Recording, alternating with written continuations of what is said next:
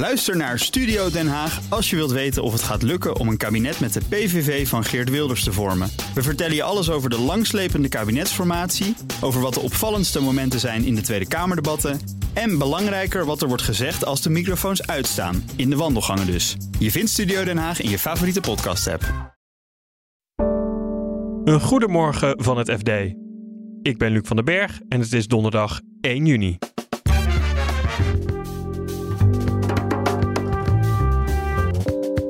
De staatsagent vindt dat KLM de afspraken rond de gekregen miljardensteun niet nakomt. Maar daar denkt de KLM anders over. Staatssteun bedankt, hartstikke bedankt overheid, maar nu is het klaar. Het parlement stemde in met een historische pensioenhervorming, maar het echte werk begint nu pas. Er zijn allerlei mensen bij betrokken: pensioenuitvoerders, adviseurs, IT'ers, toezichthouders. Het vergt een enorme IT-operatie. Dus ja, zij zeggen allemaal van oké, nu begint het. En Rusland zet oude tankers in om eigen olie te vervoeren. Allerlei maritieme verzekeringsexperts die, uh, die roepen moord en brand. An accident waiting to happen is een heel uh, vaak gehoorde quote. Dit is de dagkoers van het FD. Eerder dit jaar maakte KLM definitief een eind aan de overheidssteun die het sinds 2020 kreeg. Maar de staatsagent concludeert nu in zijn eindrapport dat niet alle afspraken zijn nagekomen. Luchtvaartredacteur Jan Verbeek vertelt om welke afspraken het gaat. De staatsagent die eh, vindt dat, de, dat KLM op een aantal punten in gebrek is gebleven. Dat heeft hij in zijn eerdere rapportages ook al gezegd. Maar daar komt hij nu eigenlijk op terug en hij, hij, schakelt ook eigenlijk door. Hij wordt er steeds feller over. Waar hebben we het dan over? We hebben het over het feit dat KLM in 2022 een winstuitkering heeft gedaan aan de 30.000 werknemers. Daarvan zegt Kremers dat hadden ze niet mogen doen, want er geldt toen het, het, het, het NOW-regime. Dan mag je geen uh, winstuitkering aan het personeel doen.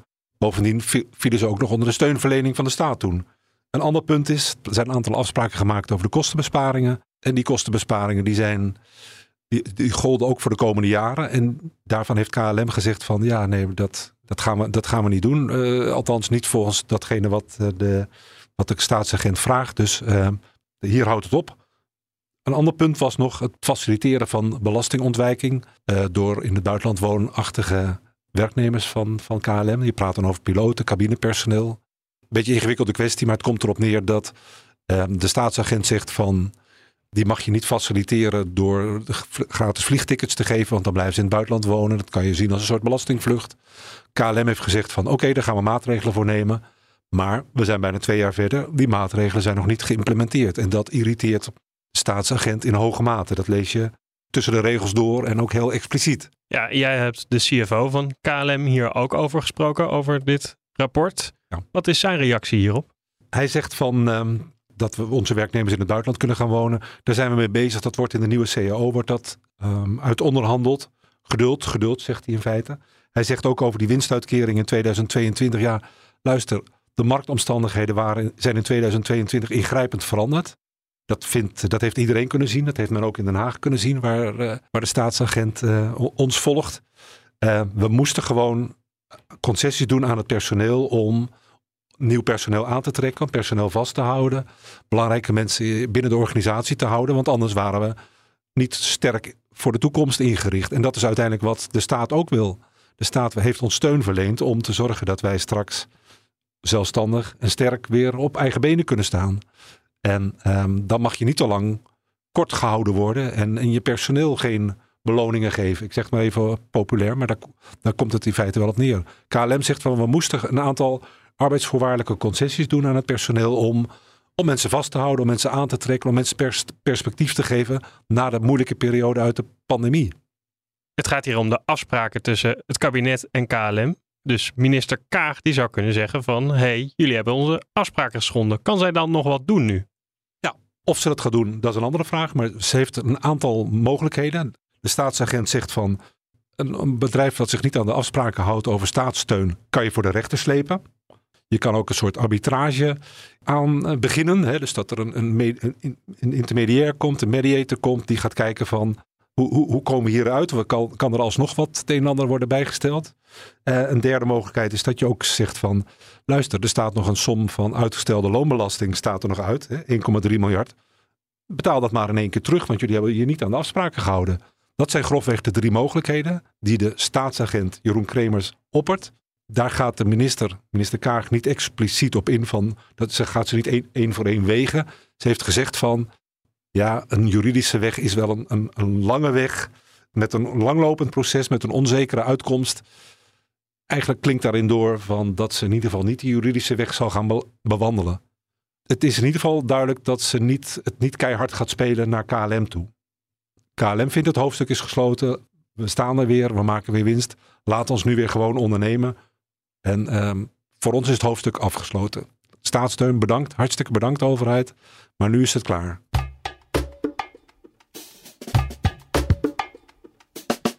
Na een urenlang debat stemden dinsdagavond 46 senatoren voor de nieuwe pensioenwet. En die is daarmee een feit. Toch begint het echte werk nu pas. Pensioenredacteur Puxie vertelt hoe de pensioenwereld op de nieuwe wet reageert. Nou, de minister was natuurlijk uh, blij, die noemde het een grote stap. En ook de pensioenlobbyclub die reageerde verheugd. En uh, werkgevers, vakbonden, iedereen uh, zei wel van nou, dit is een belangrijke en noodzakelijke stap. Dat laat denk ik wel zien dat er heel veel betrokkenen in het maatschappelijk middenveld, in de politiek en in de sector zelf, dit een goede hervorming vinden. Ja, veel mensen zeggen ook van het heeft nu 15 jaar is er over gesproken, maar het echte werk begint nu pas. Waarom is dat? Ik heb vandaag allemaal mensen gebeld die iets doen met pensioen voor hun werk. En die zeiden allemaal van oké, en nu begint de klus voor ons. Want ja, die wet is nu aangenomen, maar hij, hij, moet nog ingevoerd worden. En dat is echt een enorme operatie. Er zijn allerlei mensen bij betrokken. Pensioenuitvoerders, adviseurs, IT'ers, toezichthouders. Het vergt een enorme IT-operatie. Dus ja, zij zeggen allemaal van oké, nu begint het. Ja, en dat is ook de reden geweest dat minister Schout heeft gezegd van oké, laten we die deadline dan oprekken. Hè? Ja, want pensioenfondsen krijgen een jaar langer om de overstap naar het nieuwe stelsel te maken. Dat is omdat er verschillende senatoren zich zorgen maakten tijdens de debatten over de krappe tijdlijn. Uh, die werd heel, heel kort dag genoemd. En ja, minister Schout heeft daar een handreiking gedaan naar de Eerste Kamer. En die deadline voor de pensioenfondsen opgerekt. Ja, naar 2028 geloof ik. Hè? Klopt. Maar als ik nu nadenk, van dat is over 4,5 jaar. Eh, als ik dan terugdenk aan de afgelopen 4,5 jaar, dan is wel ontzettend veel gebeurd. Dus wat als er nu ook weer van alles verandert in die tussentijd? Als je kijkt naar wat bijvoorbeeld de pandemie en de Oekraïne-oorlog hebben gedaan met financiële markten. De rente is hard opgelopen, de aandelenkoersen zijn eh, gaan stuiteren. Ja, dat heeft allemaal effect op pensioenfondsen, want die beleggen pensioengeld op de beurs. Dus het kan best zijn dat een pensioenfonds dat in 2025 overstapt, een hele andere economische wereld om zich heen ziet dan een pensioenfonds dat dat een paar jaar later doet. En het is de kunst um, om dat heel goed uit te leggen aan de mensen om wie het gaat. Om, om dat uit te leggen aan de gepensioneerden en de, en de werknemers. En aan wie is die taak dan? Nou, die ligt in eerste instantie bij de pensioenfonds om daar goed over te communiceren. Maar minister Schouten zei ook wel, die liet ook wel doorschemen van de, de rol van de politici, die is ook nog niet voorbij. Want zij voelen wel een zware verantwoordelijkheid om ervoor te zorgen dat die enorme transitie goed gaat verlopen. Dus het kan nog zijn dat Kamerleden of de minister nog eens een keer terug in gesprek moeten over deze wet. Wat minister Schouten zei is dat er ergens gedurende de overstap de komende jaren toch problemen of onverwachte dingen kunnen ontstaan die, die moeten worden opgelost. Dat kan in gesprek gaan met de sector. Het kan ook zijn dat, dat de wetgever nog kritisch naar de eigen wetgeving moet kijken. Nou, die nieuwe pensioenwet is er nu dan. Is die dan helemaal af of liggen er toch nog wat, wat paden open?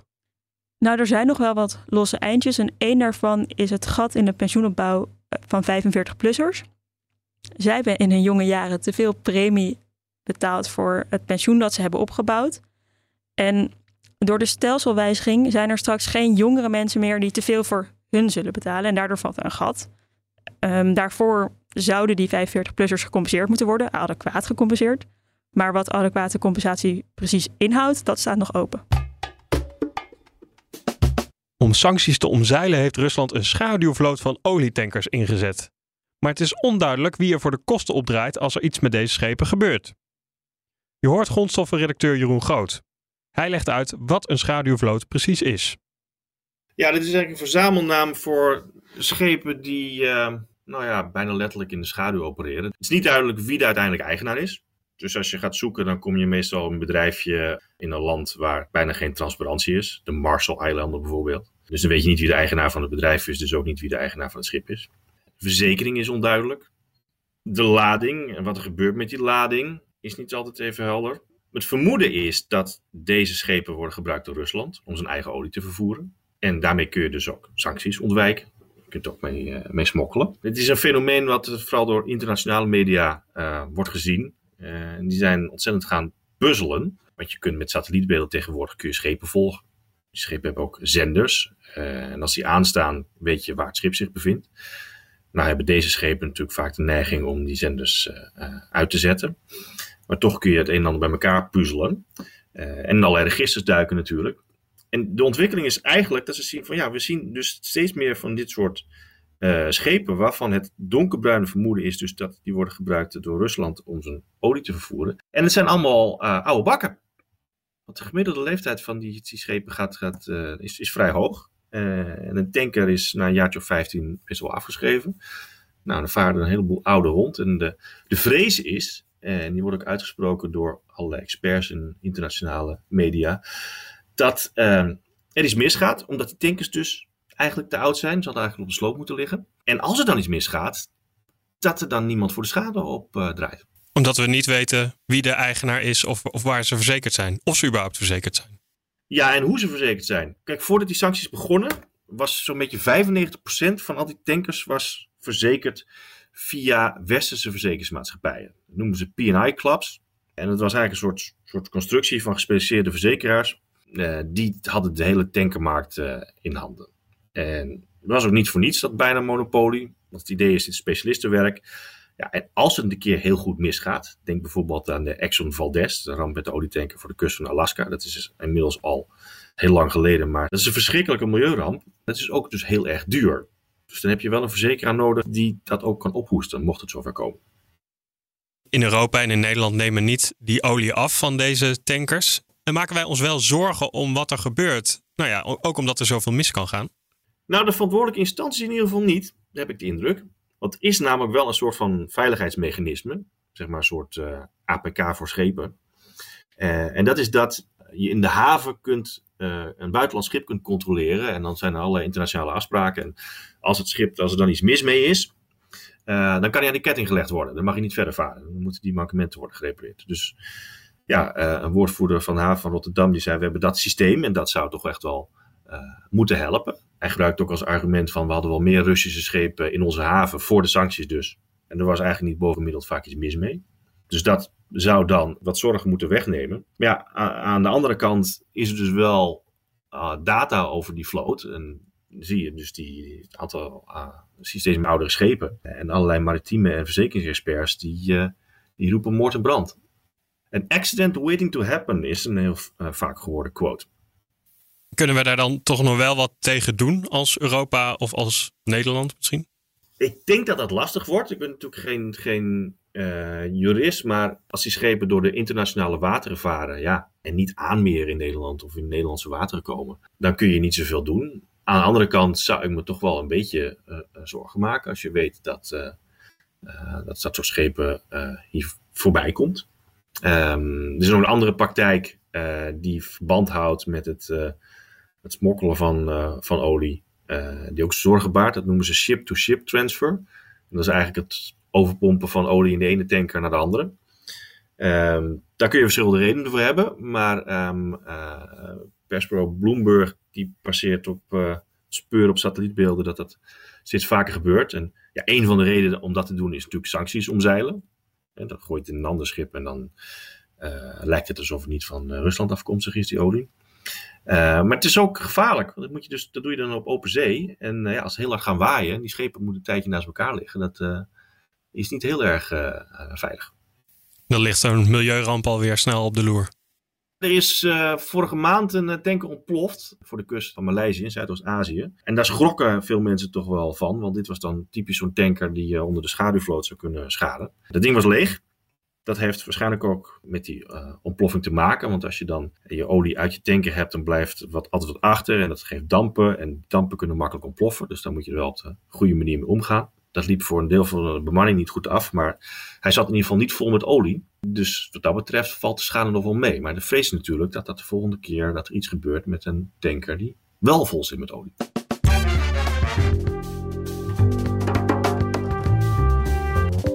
Dit was de dagkoers van het FD. Morgen zijn we er weer met een nieuwe aflevering. En ondertussen lees je het laatste financieel-economische nieuws in onze app. Voor nu een hele fijne dag en graag tot morgen.